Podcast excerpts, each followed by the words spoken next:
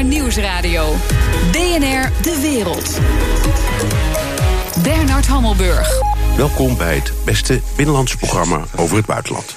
Zo dadelijk, de Chinezen kopen steeds meer bedrijven op in Europa. Moeten we nu bang zijn voor wat vroeger het gele gevaar heette. Maar nu eerst. Corrupt officials must be punished. This is what people expect, and this is also what the international community is expecting. De Europese Commissie waarschuwt Oekraïne om meer te doen tegen corruptie.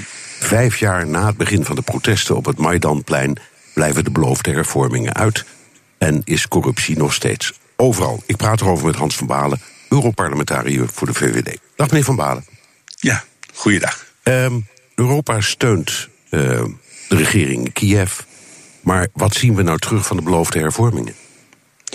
Het gaat veel te langzaam. Uh, maar je ziet in alle landen, niet alleen in Oekraïne, maar nou, ook in landen van de Europese Unie, zoals Polen, uh, Hongarije, Roemenië, zie je dat het gevecht tegen corruptie heel veel tijd neemt. En niet zo snel gaat als wij hopen. Er zijn wel hervormingen van de rechterlijke macht, uh, van de officieren van justitie. Die hervormingen zijn er, maar het neemt heel veel tijd. Ja, volgens Transparency International is Oekraïne ongeveer zo corrupt als Sierra Leone. En het doet het maar net iets beter dan Rusland. Heeft al die ondersteuning van de EU de afgelopen jaren dan niets opgeleverd? opgeleverd? Ja, het, het, heeft wel degelijk wat opgeleverd. Toen, eh, laten we zeggen, Oekraïne onafhankelijk was, werd, was het een land zonder identiteit. Het was een, een meer een open vlakte. Uh, de Russen hadden er heel veel invloed. En eigenlijk met de twee Maidan-opstanden is een nationale identiteit gegroeid. Iets wat Poetin juist niet wilde. En het land is steviger geworden. Het is een echt land geworden. Uh, dus in zoverre is dat goed. Uh, dat betekent ook meer stabiliteit dan in het verleden. Uh, meer handel tussen de Europese Unie en Oekraïne. En het betekent ook dat Rusland niet aan de Poolse grens staat. Er zit een land tussen en dat is ook uh, belangrijk. Ja, goed, maar dat is eigenlijk een strategische overweging. Of een, Oké, okay, ja, er is, er is een, uh, een anticorruptiebureau, maar dat wordt dan weer tegengewerkt door de hoofdaanklager en de minister van Binnenlandse Zaken. Is het om minister Blok te parafraseren een failed state? Nee, dat is het niet, maar een land met grote problemen. u noemde net ook Rusland. Nou, als er één corrupt land bestaat met een corrupte president, is het Rusland. Uh, daar praten wij ook mee. Uh, daar wordt ook uh, weliswaar met wat boycottmaatregelen handel mee gedreven. Dus je kunt niet zeggen, wij gaan alleen maar met landen als Denemarken zaken doen. Dat nee, kan natuurlijk nee, maar we hebben geen associatieverdrag met Rusland en met Oekraïne wel. Dus de, de, de verhouding is anders.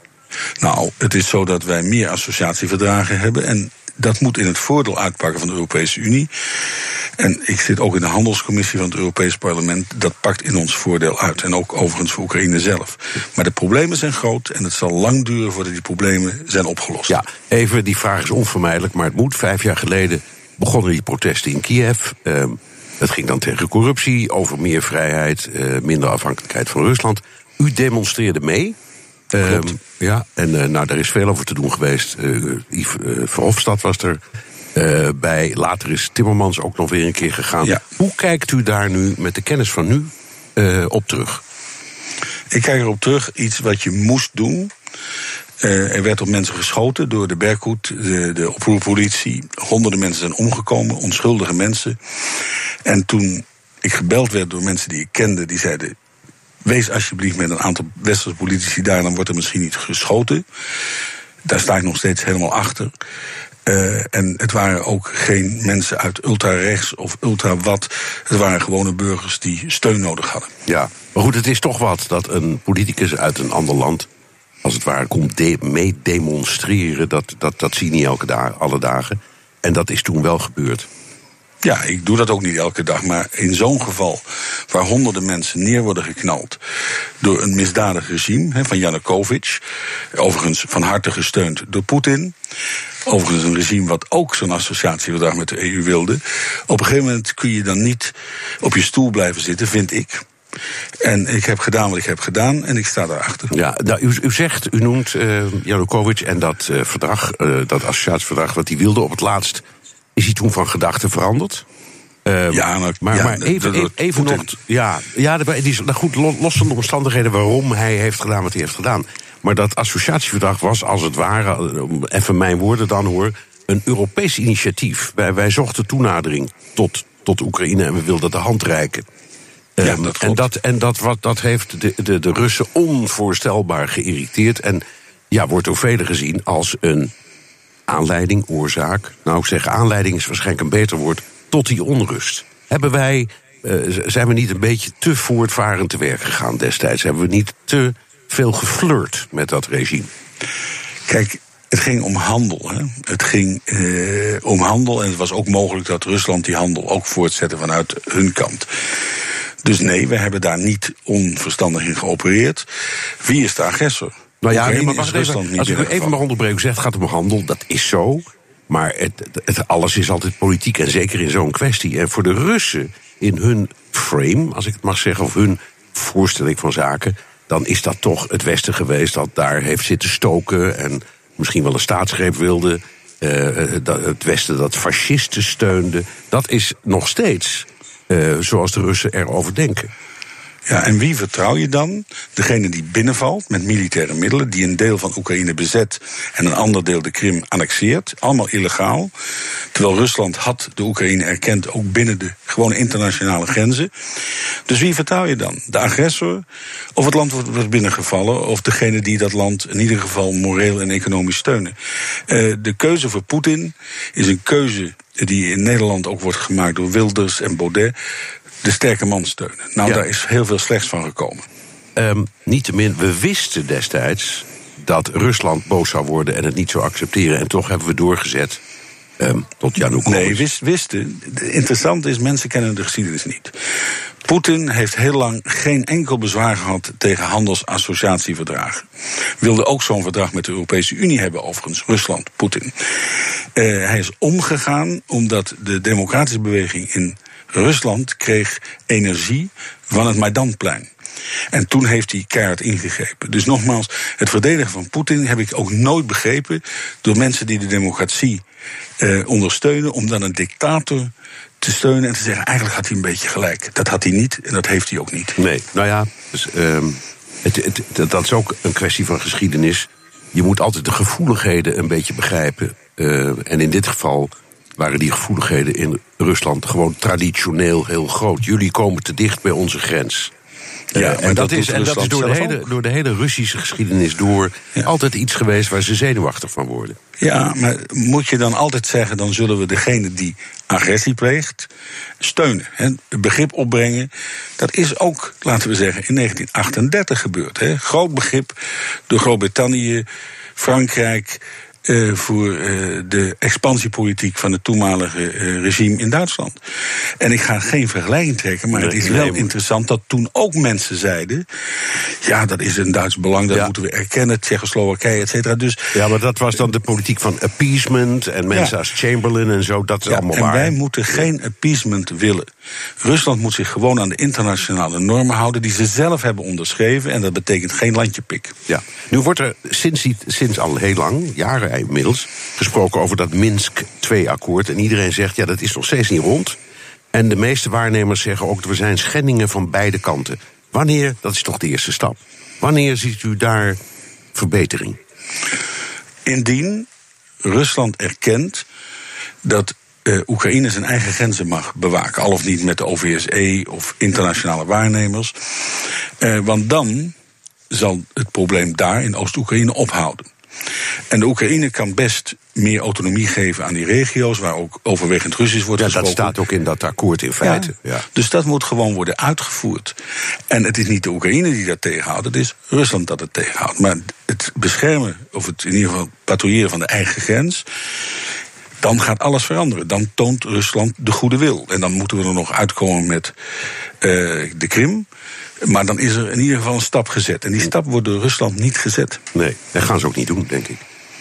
En dat is heel onverstandig, want uh, uiteindelijk kost het Rusland uh, klauwen vol geld. Hè, de interventie in Oekraïne. Het levert ze niets op. Uh, dus verstandig zou zijn, zet een stap. En dan zullen wij ook een stap kunnen zetten. En de Oekraïne kan een stap zetten. Ja, de, de strijd tussen Oekraïne en Rusland verplaatst zich naar de zee van Azov. Moet het Westen zich daarmee bemoeien? Nou ja, ook hier zie je dat er is een grens die internationaal erkend is. En Rusland gaat stap voor stap over die grens heen. Net als ze in Georgië doen, net zoals ze in Moldova doen. Dus uh, ik vind dat het Westen duidelijk moet zijn met haar sancties. Die moeten ook weer vernieuwd worden. Die zijn onlangs vernieuwd, maar die moeten dadelijk weer vernieuwd worden. En je kunt best tegen Rusland zeggen: ja, als jullie je nog niet eens houden aan grenzen die erkend zijn en weer landje pik doen, dan zullen we de, de sancties moeten uh, ja, verstevigen.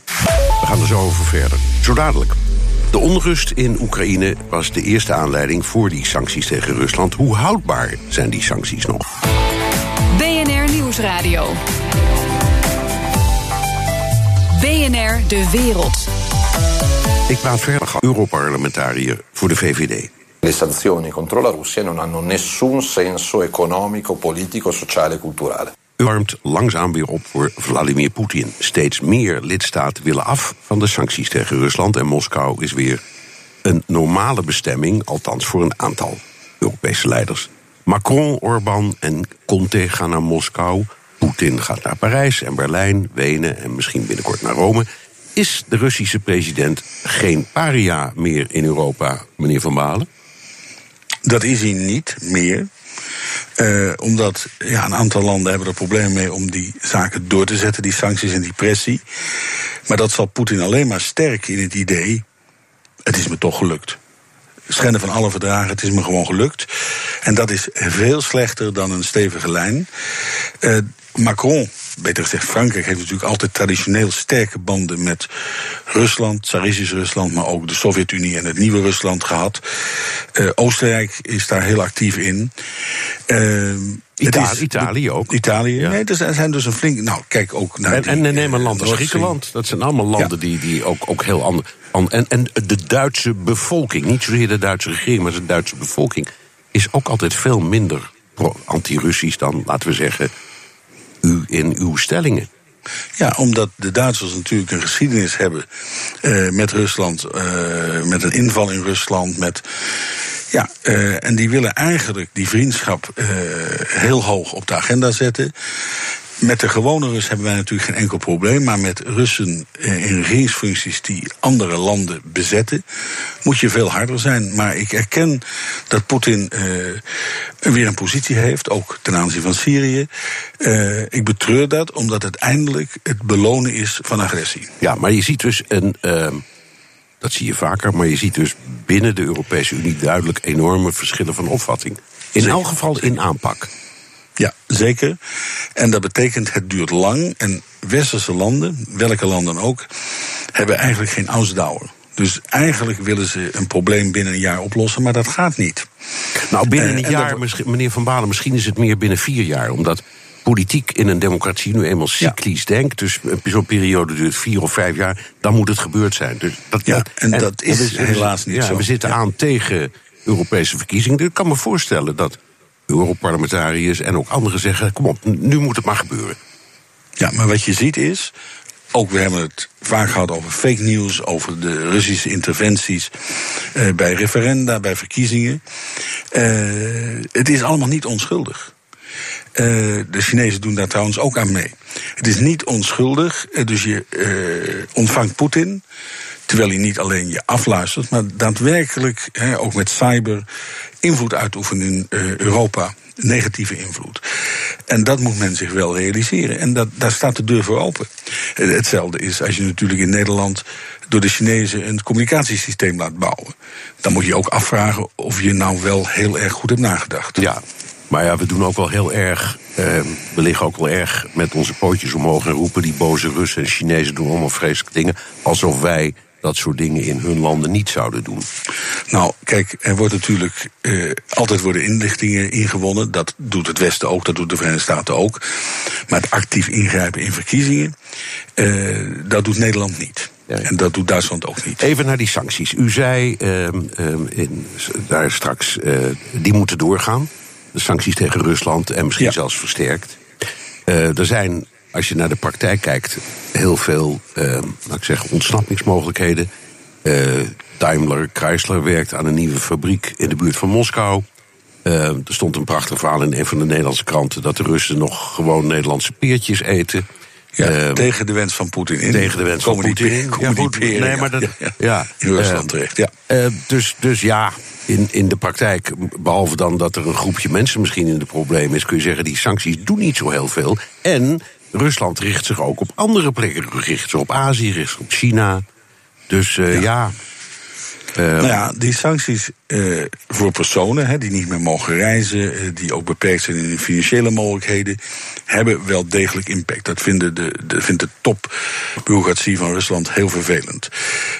andere sancties hebben ook een invloed gehad, ook, ook financiële sancties. Maar we hebben niet besloten eigenlijk een soort sanctieregime in te voeren zoals dat met Iran het geval was. Uh, en daarnaast, ja, de stijging van de energieprijzen helpt Poetin natuurlijk ook. Maar dan nog is het niet verstandig om die sancties te laten vallen. Want zelfs ook al zijn ze in hoge mate symbolisch, ook symbolische sancties zijn van belang. Geen normaliteit, niet zeggen we vergeten alles. Ja. Het doel was om Rus Rusland in het nauw te brengen, te isoleren. Uh, inmiddels heeft Poetin uh, betere banden met China, hele goede. Uh, India, Turkije, Qatar, Saoedi-Arabië staan allemaal in de rij om Russische uh, raketten te kopen. Dat, dat, dat is dan toch allemaal mooi mislukt. Die sancties hebben dat niet verhinderd.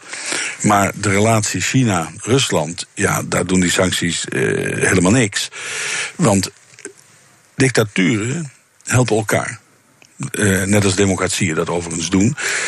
Dus uh, China is natuurlijk geen uh, vrij land. Dat is Rusland ook niet. Ja, die, die, die top, Poetin en, en zijn evenknie in China, doen zaken met elkaar. Ja. Ja. Um, u had het ook over energie. Um, u zei naarmate de energieprijs omhoog gaat, is Rusland natuurlijk spekkoper. Dat, dat, ja. is, dat is ook zo. Um, een heel gevoelig onderwerp in Brussel is Nord Stream 2. Ja. de EU krijgt geloof ik nu al een derde van al zijn gas uit Rusland. En dat wordt dan nog veel meer. Um, en heel veel Oost-Europese landen en Denemarken zo denken dat die pijpleiding een manier is om de druk op Oekraïne te vergroten. Hoe kijkt u naar dit hele project? Kijk, uh, er zijn pijpleidingen voor olie en gas die door Oekraïne lopen. En de Oekraïners krijgen daar geld voor hè, van Rusland. Om nu Oekraïne te omzeilen betekent dat Oekraïne minder geld krijgt of geen geld. Dus het is een politiek project. Want gewoon technisch is het niet noodzakelijk, die leidingen liggen er. Uh, ja, Nord Stream 2 had er eigenlijk helemaal niet moeten komen. Er zijn ook landen die nog steeds nadenken. Voor Nederland geldt natuurlijk, wij hoopten ooit de gasrotonde te worden van Europa. Maar ja, als je zelf eigenlijk uh, geen gebruik meer wil maken van gas. Nee, als je, als, je, als je heel hard roept Nederland moet van het gas af, dan kun je moeilijk. Dan zal die gasrotonde ook niet tot iets leiden. Want, want dus in zoverre uh, denk ik dat voor Nederland er weinig verschil in zit. maar voor Oekraïne veel, want die krijgen geen gelden meer voor die gaspijpleiding en oliepijpleiding door Oekraïne stromen. Dus het is een politiek project. Um, dus ik hoop dat het met Nord Stream 2 niet gaat lukken. Uh, Denemarken moet nog beslissen. Dat is een belangrijke uh, schakel in het geheel. Uh, we zullen zien. Maar aan de, aan de Duitse kant zijn ze wel al gewoon begonnen met het feitelijk bouwen van, ik zou maar zeggen, het aankomstpunt van die pijpleiding. Ja, klopt, klopt. Nou ja, onverstandig vind ik. maar je moet in ieder geval kunnen omschakelen. Nog belangrijker dan dat Russisch gas is dat je alternatieven hebt, bijvoorbeeld vloeibaar schaliegas uit de Verenigde Staten, dat dat kan worden aangeland. Dat je andere gasproducenten hebt of olieproducenten. Uh, want als je dat niet hebt, ben je direct afhankelijk van Rusland. Als je die alternatieven hebt, nou, is, valt er mee te leven. Ik vind het niet verstandig, maar er valt dan mee te leven.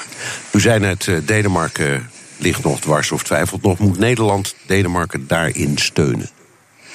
Ja, kijk, ik ga wel aan dat voor Nederland het belang steeds kleiner wordt uh, van het gas.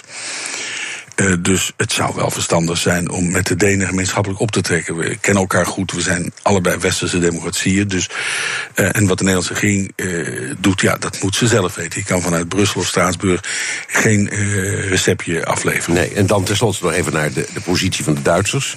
Die zitten te springen om dat Russische gas. Um, Donald Trump zegt, uh, Europa meet met twee maten en, en, en Duitsland vooral. Daar heeft hij dan een punt, hè? Trump zegt hele gekke dingen in zijn tweets, maar zijn beleid is veel consistenter. Dit klopt natuurlijk. Er worden geen keuzes gemaakt. En, en, maar Duitsland wil zo graag die warme relatie met Rusland uh, versterken.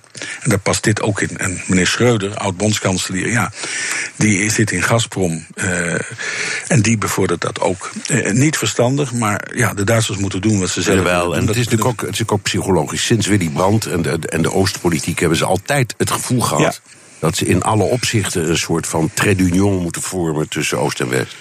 Nou ja, Duitsland wordt in uh, Rusland serieus genomen, maar kan dus een veel grotere rol spelen door niet ja en amen te zeggen tegen Rusland, maar een stevig beleid te hebben. Uh, dat zou ook voor Frankrijk kunnen gelden. Hè. Ook traditioneel goede banden. Gebruik die goede banden dan om Poetin te overtuigen trek je terug uit Oost-Oekraïne. Dat is de eerste belangrijke stap uh, die je kan zetten voor normalisatie. Ja. Ten slotte even een, vraagje over Hans van Balen zelf. U, u bent kandidaat voor de Eerste Kamer. Uh, dat klopt. En, en, de vraag was: uh, komt u op een verkiesbare plaats? Is dat al gepiept? Uh, ik heb geen idee, want daar ga je als kandidaat niet over. medio december beslist het hoofdbestuur over de volgorde en dan wordt elke kandidaat gebeld. Dus ik wacht dat gewoon af. Ik heb geen idee. Ik hoop natuurlijk op een verkiesbare plaats, maar we zullen het zien. Oké, okay. heel hartelijk dank. Hans van Balen, Europarlementariër voor de VVD. BNR Nieuwsradio. BNR De Wereld. Bernard Hammelburg. Net als Gibraltar is ook Cyprus een brexit-probleem. Want daar ligt een stuk Brits grondgebied. Dat Cyprus-probleem is vandaag opgelost. Biedt dat dan ook een model om de Gibraltar-puzzel op te lossen? Europa-verslaggever Jesse Pinser. Wat was nou precies dat probleem op Cyprus? Ja, dat 3% inderdaad van het eiland in handen van de Britten is, omdat dat militaire zones zijn op dat uh, eilandje in de Middellandse Zee. En om precies te zijn gaat het dan om Akrotiri en Dekelia. En dat zijn gebieden waar ook duizenden Cyprioten, dus EU-burgers, uh, werken bijvoorbeeld. En er zijn zelfs Cyprioten die daar wonen, omdat het, het is ook een militaire basis, maar het is eigenlijk meer dan dat. Het zijn gewoon een soort dorpjes waar ook fabrieken, landbouwgrond en dergelijke zijn. Nou, dit is officieel dan een Brits overzees gebied. Uh, en is formeel dan ook niet eens deel van de Europese Unie. Lijkt een beetje op Gibraltar, hoewel dat dan weer net wel lid van de Europese Unie is, maar ook een overzees gebied. En uh, nou ja, dat kan allemaal vrij goed gaan, omdat ze eigenlijk alle EU-wetgeving, regels gewoon volgen. In het geval van deze twee plekken op Cyprus is het zelfs zo dat ze met de euro betalen. Het enige Britse grondgebied waar dat gebeurt. Maar goed, het probleem is natuurlijk de rechten van die Cyprioten. Kunnen die daar blijven wonen? Kunnen die daar gewoon blijven werken, ook in de toekomst? Ja, want het is een grens, zou je kunnen zeggen, midden door Cyprus heen. Uh, en dan heb je het probleem van vrij verkeer van uh, mensen en goederen. Hoe hebben ze het opgelost? Nee, je hebt die, uh, die ellenlange juridische uh, afspraken die er nu gemaakt zijn. Die 585 pagina's over de scheiding van de Europese Unie en het Verenigd Koninkrijk. Ja, en zo, zo, zojuist een stempel van goedkeuring gekregen in Brussel. Ja, er is inderdaad zelfs nog een document bovenop gekomen over de toekomst zojuist. Maar als je naar die juridische tekst gaat kijken, dan zitten daar een aantal protocollen in. En eentje die gaat over deze zogenaamde soevereine basis in Cyprus. En daarin leggen ze eigenlijk vast wat er in de toekomst gaat gebeuren. En eigenlijk staat er gewoon, ja, jullie gaan die EU-regels en wetten, die blijven jullie gewoon uh, een soort van houden. Waardoor we ook die rechten van die Cyprioten kunnen uh, garanderen. En daar was iedereen uh, heel tevreden mee. de Cypriotische president was er heel enthousiast over. En ook Stefan Lilai, moet ik zeggen. dat is de hoge commissaris op Cyprus. Dus dat is gewoon een Britse diplomaat die daar nou ja, een soort van zijn kleine koninkrijkje heeft. die was ook tevreden over, want ja, er zijn ook nogal wat Britten die dan op de rest van Cyprus wonen. En die houden ook hun rechten. En als we er daar wel uitkomen, waarom lukt het dan niet met Gibraltar? Want het lijkt, zoals je net al zei, heel erg op elkaar. Ja, Uh, sterker nog, er is ook een protocol in die tekst die over Gibraltar gaat. En uh, die verschillen op zich dan nog niet eens zo heel veel. Er zijn misschien twee belangrijke verschillen. Eén is historisch. Dat is gewoon de, de verontwaardiging, boosheid die er nou ja, al eeuwen eigenlijk is in Spanje over dat Gibraltar überhaupt Brits is. En daarnaast is er denk ik ook een binnenlands politieke reden. Uh, Pedro Sanchez, de premier in Spanje, die geeft leiding aan een minderheidsregering, is dus niet heel erg sterk. Uh, en die heeft toch wat behoefte om zich ook te profileren als een vrij stoere en sterke leider. Helemaal ook omdat er begin december verkiezingen aan zitten te komen in Andalusië. En dat is nou weer net de regio waar Gibraltar ook aan grenst. Ja. Um kan een oplossing in Cyprus uiteindelijk helpen om die kwestie Gibraltar op te lossen? Zit er ergens een haakje of een sleutel waar ze naar kunnen kijken? Op dit moment denk ik niet zozeer. Weet je, zowel uh, Cyprus als Spanje hebben die garanties gekregen. Alleen voor Spanje blijkt dat dus niet uh, genoeg te zijn. Want die, uh, ja, nou, los van het scoren van punten, zijn ze ook uit uh, op die impact die mogelijk een nieuwe handelsrelatie tussen Groot-Brittannië en Europa kan hebben op Gibraltar. Dus weet je, hoe zorg je ook dat Spanjaarden die in Gibraltar werken, dat ook in de verre toekomst, die daar nu nog helemaal niet werken, die dat dan toch zouden kunnen gaan doen. Dus de Spaanse regering die wil eigenlijk dat die uh, relatie tussen uh, Spanje en Gibraltar, dat zij daarover gaan onderhandelen. Dus Madrid met Londen en dat dat niet een onderdeel is van die EU-onderhandelingen over die toekomstige relatie die de komende jaren gewoon nog plaats moeten gaan vinden. En die belofte is in het verleden eigenlijk al gedaan. Um, dus dat hebben ze al een soort zwart op wit. Maar nu willen ze eigenlijk dat ongeveer in ieder document wat er nu afgesproken wordt over de brexit, dat dat nog een keer expliciet daarin gezet ja. gaat worden. Nou, en dat lijkt er nog niet te komen, maar een inlegvelletje om een Rutte-term ja, erin gebruiken. Of onder alle 585 velletjes overal heel klein het woordje Gibraltar erbij of zoiets. Ja, dat moeten ze dan zondag maar doen. Oké, okay, dankjewel. Europa-verslaggever Jesse Pinster. The Donald Show. Tijd voor de Donald Show met onze correspondent in Washington, Jan Postma. Jan, het is vandaag Thanksgiving.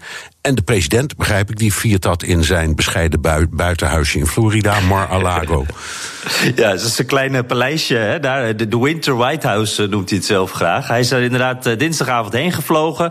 En dat betekent eigenlijk een vrij leeg schema voor de president. Net als vorig jaar. Uh, hij heeft al een videocall met de troepen overzees gedaan net. Gaat zo even met de kustwacht praten om ze te bedanken voor alles. Verder is het heel rustig, dus dat betekent heel veel etentjes. vorig jaar had hij een Thanksgiving diner. nou, je zegt al bescheiden. Er waren 500 leden van zijn club bij. dus dan weet je een beetje de omvang van het geheel. En uh, daarnaast natuurlijk ook hopelijk wat uh, tijd om uh, te golven. Maar het weer is slecht nu in Florida. Dus voorlopig is het vooral een beetje tieten. En is het extra leuk voor de gasten? Ja, dat, uh, dat denk ik wel. Uh, dat, dat, hele restaurant van Mar-a-Lago is volledig vol. Helemaal gereserveerd als Trump er is. En het is een plek waar natuurlijk wel informeel heel veel gebeurt. hij heeft weinig staf bij zich, Trump. Dus hij is heel makkelijk benaderbaar voor mensen. Je kan echt zo naar hem toe lopen. En dat zie je ook terug.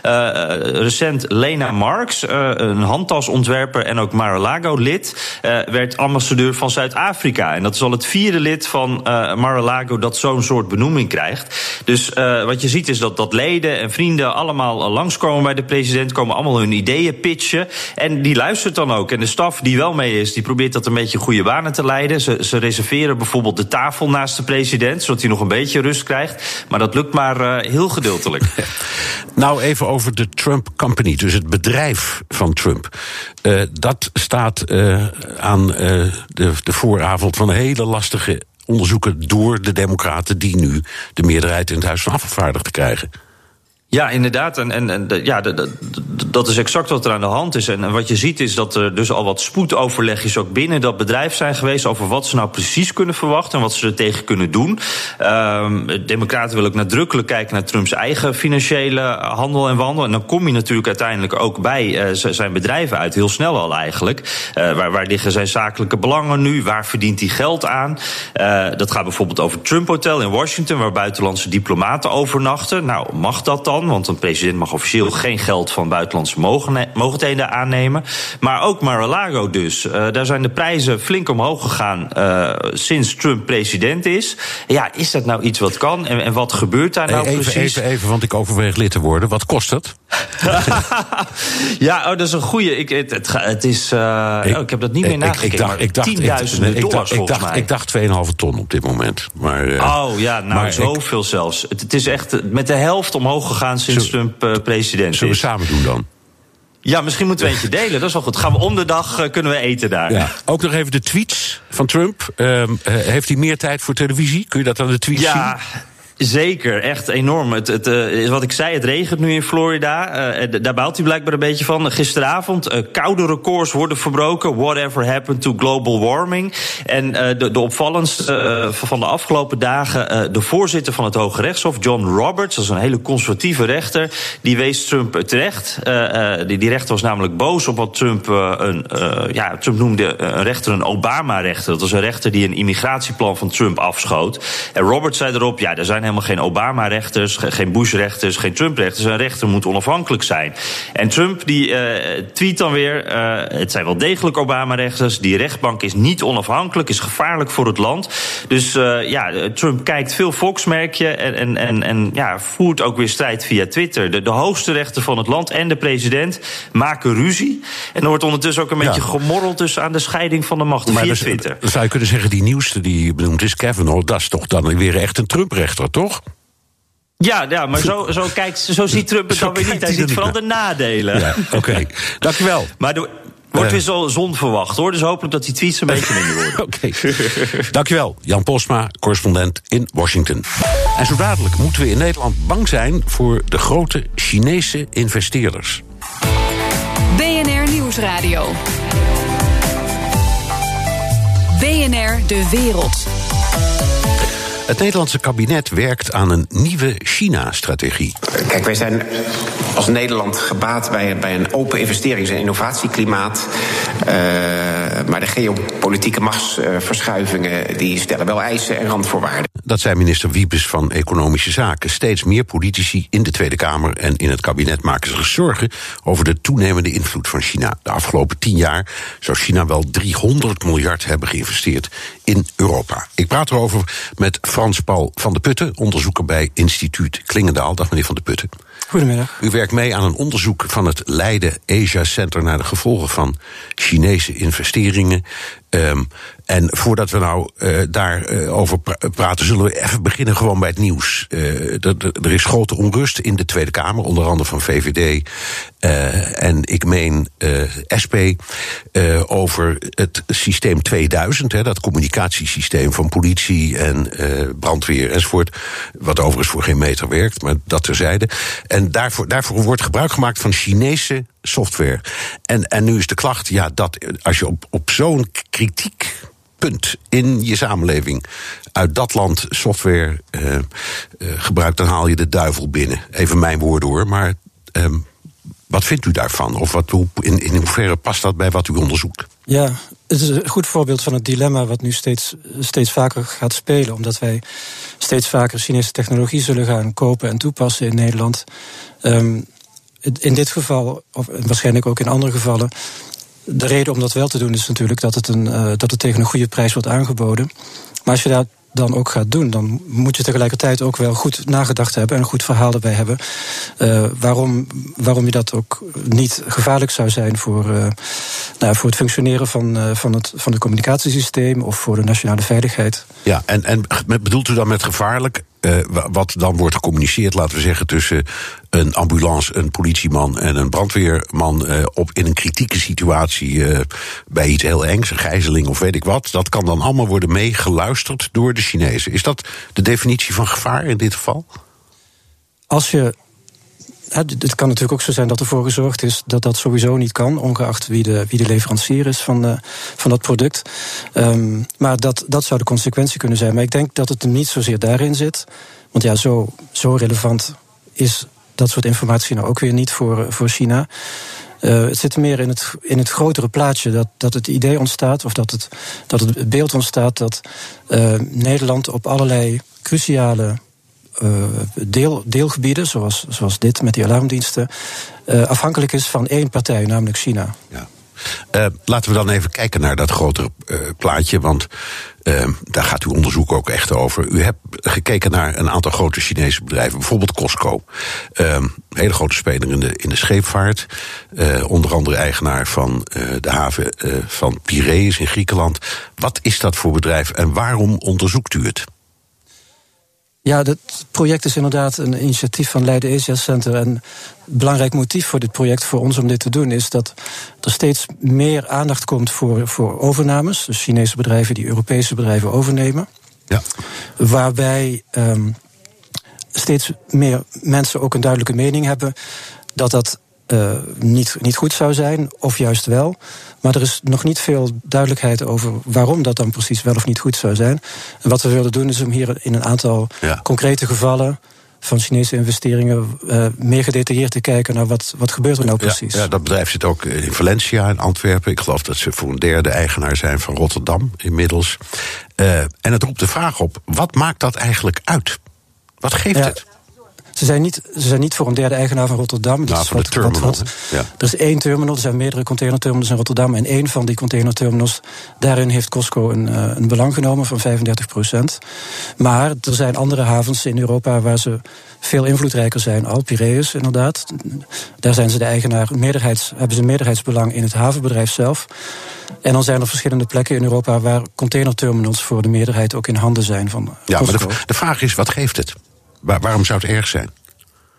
Ja, het punt is dat je moet het uh, in combinatie zien met, um, met de andere manieren waarop China uh, steeds meer invloed krijgt.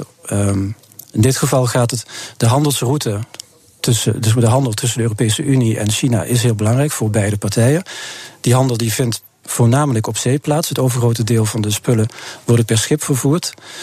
Um, en de invloed van China op zowel die scheepvaart eh, verbindingen, die transportverbindingen. En ook op de havens in Europa, die, uh, die begint groot te worden. Ja. Nou, normaal gesproken dan is dat een kwestie van. Landen hoeven niet, landen zijn eraan gewend, Nederland zeker ook als klein land. Wij hoeven niet alles zelf in, in de hand te hebben. Er zijn internationale partijen die zorgen voor het transport enzovoort. Dat werkt allemaal prima. Maar we gaan nu naar een nieuwe situatie toe waarin er één partij is die langzaam maar zeker dominant gaat worden in die hele transportverbindingen tussen Europa en China. En dat is de Chinese staat, of eigenlijk moet je zeggen, de Communistische Partij van China. Ja, ja, dat is waar. Het is en blijft een communistisch systeem. Dus alle bedrijven zijn in beginsel van de staat. Maar goed, laten we het even vergelijken met een scheepvaartreus als Maersk. Uh, een van de grootste, denk ik, in afval in Europa. Die heeft ook een heel groot deel van die markt. Als je dat nou afzet tegen Chinese staatsbedrijf, dan blijft de vraag toch nou en? Of zegt u, het gaat er echt om dat het de staat is die dan eigenaar is van een, uh, ik zal maar zeggen, private onderneming in een ander land, bijvoorbeeld Nederland? Het gaat om de combinatie van die rol van de staat, inderdaad, maar ook de enorme rijkwijde en, en omvang en diversiteit van waar die staat dan in betrokken is. Dus een individueel groot multinational als Maersk. Uh, als je dat vergelijkt met bijvoorbeeld Costco, Chinese, de, de Chinese grote rederij, um, dan valt het nog wel mee. Het verschil is inderdaad. Costco moet de belangen van de Chinese staat ook in de gaten houden, terwijl Maersk de belangen, van de, de belangen en de aandeelhouders uh, volgt. Um, maar het punt is dat Maersk is een, een heel groot bedrijf, maar maar maakt geen deel uit van een groter systeem. En het is, als een, het is een Deens bedrijf, maar het, het is ook niet gekoppeld aan de Deense politiek. Um, in het Chinese geval bij Costco is dat wel. Costco is een staatsbedrijf. Dus het is sowieso al eigendom van de centrale overheid van China. Uh, maar daarbinnen heeft de Communistische Partij uh, een heel grote invloed. Dus bijvoorbeeld de bestuursvoorzitter van Costco wordt direct benoemd door de, door de partij. Ja. Um, nou, in China heeft niet alleen Costco, maar heeft heel veel van dat soort grote. Ja, bij, bijvoorbeeld ook, u, ik, ik, eh, in uw onderzoek wordt ook een bedrijf genoemd dat heet Kofco. Wat is dat? Ja, Kofco met een F inderdaad, bijna dezelfde naam. Dat is een bedrijf wat handelt in uh, agrarische producten. Um, en zij, zij zijn een hele grote speler in uh, vooral de import van, van landbouwproducten van over de hele wereld naar de Chinese markt toe. Dus als je op de Chinese markt wil komen, um, dan, dan dan met, met landbouwproducten of, voedingsmiddelen, uh, dan is Kofco daar een hele grote speler in. Ja, en wat geeft dat? Opnieuw die vraag. Dat is toch fijn? Ja. Dan, dan, kopen, dan, kopen, ze lekker veel Nederlandse of Europese of Westerse producten. Of Russische, het kan niet schelen, maar dat is toch prachtig? Voorlopig is daar ook niks aan de hand. In de context, denk ik, hier is dat een van de, een van de bedrijven waar we naar gekeken hebben, is. Uh, een van de overnames moet ik zeggen, dat is een Nederlands bedrijf, Nidera. Die is een paar jaar geleden overgenomen door, uh, door Kofco. En Nidera is, was een Nederlands uh, familiebedrijf dat al ongeveer 100 jaar bestaat. En dat koopt landbouwproducten, granen, in, uh, bijvoorbeeld in Latijns-Amerikaanse landen. En verhandelt dat dan op de wereldmarkt. Dus dat Nederlandse bedrijf Nidera, dat is nu in handen van dat Chinese bedrijf Kofco. En dus van de Chinese staat, dat is uw redenering. Um, en dus uiteindelijk heeft de Chinese staat daar een grote invloed op.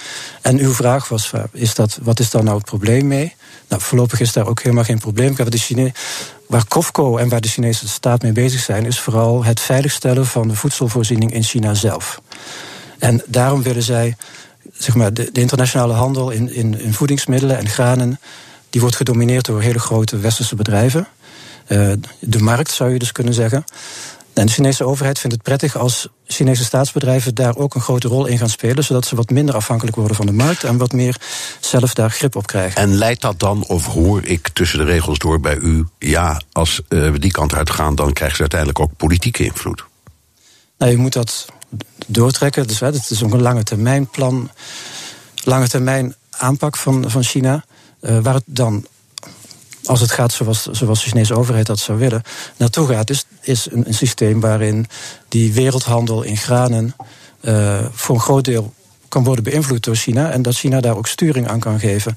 Dus die kunnen bijvoorbeeld uh, dat ze ervoor zorgen dat bepaalde producten meer naar China gaan en meer naar andere bestemmingen. Of, en dat is denk ik vooral voor Nederland relevant.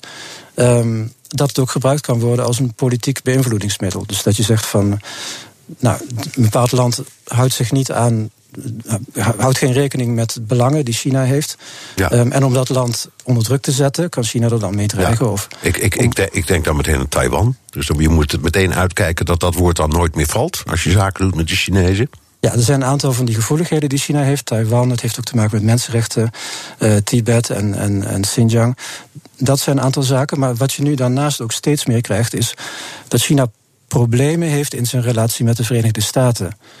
En ook dat zijn zaken waarvan China zijn internationale invloed kan gaan gebruiken om ervoor te zorgen dat landen zich zodanig gedragen dat het eh, niet in China's nadeel is. En dat is vooral vervelend voor landen zoals Nederland of andere Europese landen, omdat wij uh, een hele nauwe band met Amerika hebben. Ja, nog even in, in een paar seconden als het kan. Uh, dat is flauw zo te zeggen, maar we hebben niet meer tijd. Wat moet de Nederlandse overheid doen als die al iets moet doen, in uw ogen? Ja, ik denk dat er zeker wat moet gebeuren. En belangrijk in deze context is denk ik om nog een keer naar het concept van mededinging te kijken. Maar wij, zijn gewend om naar mededinging te kijken vanuit puur economisch uh, perspectief.